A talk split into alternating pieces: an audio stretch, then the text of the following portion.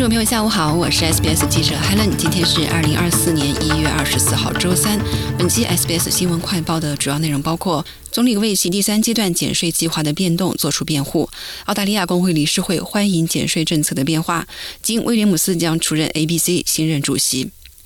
总理阿尔巴尼斯为其第三阶段减税计划所做的改动做出了辩护，称考虑到挣扎中的中低收入者的需求至关重要。预计总理将改变其计划，维持百分之三十七的减税幅度，并增加收入不超过五万澳元的低收入者的税收抵免。多家媒体报道称，中等收入者将获益更多，而高收入者将获得比最初预期更低的税收抵免。总理表示，他今天下午向工党党团提出的建议，主要是为了在生活成本危机。期间帮助澳大利亚中产阶级或中低收入者，他说：“我们知道澳大利亚中产阶级面临着生活成本压力，我们决心遵循国库部的建议，为他们提供援助。我的决心和我的工作就是要为澳大利亚人争取更好的结果，就是要应对我们所面临的情况。”总理将于周四在全国新闻记者俱乐部阐述他的经济政策。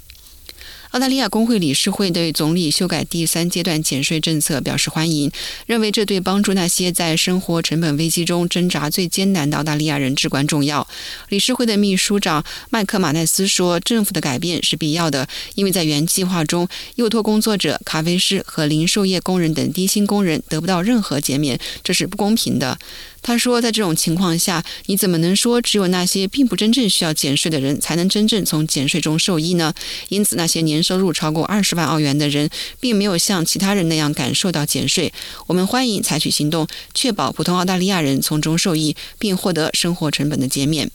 总理宣布将向总督推荐金威廉姆斯担任澳大利亚广播公司的下一任主席。总理阿尔巴尼斯表示，威廉姆斯是理想的领导者，他的人生经历和全面能力对担任这一职务至关重要。威廉姆斯经营过多家媒体公司，其中包括新闻集团，还曾在戏剧和音乐领域工作过，还曾担任过澳大利亚橄榄球联盟的专员。他说，能够迎接挑战，履行澳大利亚广播公司在澳大利亚公众心目中提供信息娱乐，并确。保保文化多样性和强烈的民族认同感的使命，他感到非常荣幸。他说：“这说明在数字媒体、电视和广播等所有传播方式中，以及在大量的书面信息中，都必须采取创新和全面的方法。我当然认为，赋予这些责任以生命是澳大利亚持久的挑战之一。我很荣幸能这样做。”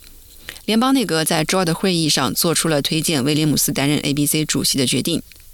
与此同时，通信部长为澳广对以色列与哈马斯冲突的报道进行了辩护。米歇尔·罗兰茨表示，政府对澳广主席及其董事总经理大卫·安德森充满信心，并拒绝就记者安托瓦内特·拉托夫起诉澳广的公平工作案发表评论。拉托夫女士声称，澳广解雇她是不合法的。澳广在她分享了人权观察的一篇文章后，决定解雇她。该文章称，以色列在加沙使用饥饿作为战争武器，这意味着他是因为政治观点。而被解雇的奥广在提交给委员会的文件中辩称，拉托夫的案件从根本上来说是完全错误的。他被解雇的原因，据称是他未能或拒绝遵守关于他不得在社交媒体上发布有关争议事件的帖子的指示。罗兰茨女士说，奥广一直在努力改善对记者的支持。好了，感谢收听本期的 SBS 新闻快报，我是记者 Helen。在苹果或 Spotify 搜索“新闻快报”，点击订阅，开启消息提醒，即可了解澳洲国内外新闻及社区信息。